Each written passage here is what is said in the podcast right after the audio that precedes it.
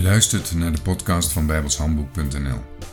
Vandaag weer een nieuwe bladzijde uit het Bijbels dagboek. Iedere dag. Een korte overdenking met als doel je geloof op te bouwen en te versterken. De muziek bij deze podcast is geschreven en uitgevoerd door Jack Andrew. Het is vandaag 26 februari en ik wil beginnen met het lezen van 1 Petrus 1 vers 4 en 5 tot een onverderfelijke en onbevlekkelijke en onverwelkelijke erfenis, die in de hemelen bewaard is voor u, die in de kracht Gods bewaard wordt door het geloof tot de zaligheid die bereid is om geopenbaard te worden in de laatste tijd. De levende hoop uit vers 3 van 1 Petrus 1 wordt hier in vers 4 een onbevlekkelijke, en dat betekent zonder zonde, en een onverwelkelijke, en dat betekent eeuwig, erfenis genoemd. Die in de hemel bewaard wordt voor ons. Zowel de erfenis als wij worden bewaard in de hemel. We worden als het ware voor elkaar bewaard. En je vraagt je nu misschien af wat je moet doen om deze erfenis te ontvangen. En het antwoord is simpel.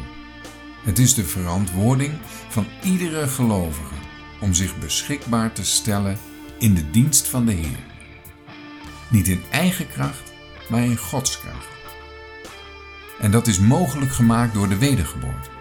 De heerlijkheid van ons nieuwe lichaam, die we in de toekomst zullen ontvangen, is afhankelijk van de zaligheid der ziel. De ziel staat in de Bijbel voor onze wandel hier op aarde. In hoeverre we zullen erven is dus afhankelijk van onze vrijwillige dienst aan de Heer. Dat is ook wat Paulus bedoelt als hij in Filippenzen 3 vers 12 zegt: Niet dat ik het al gekregen heb of al volmaakt ben, maar ik jaag ernaar.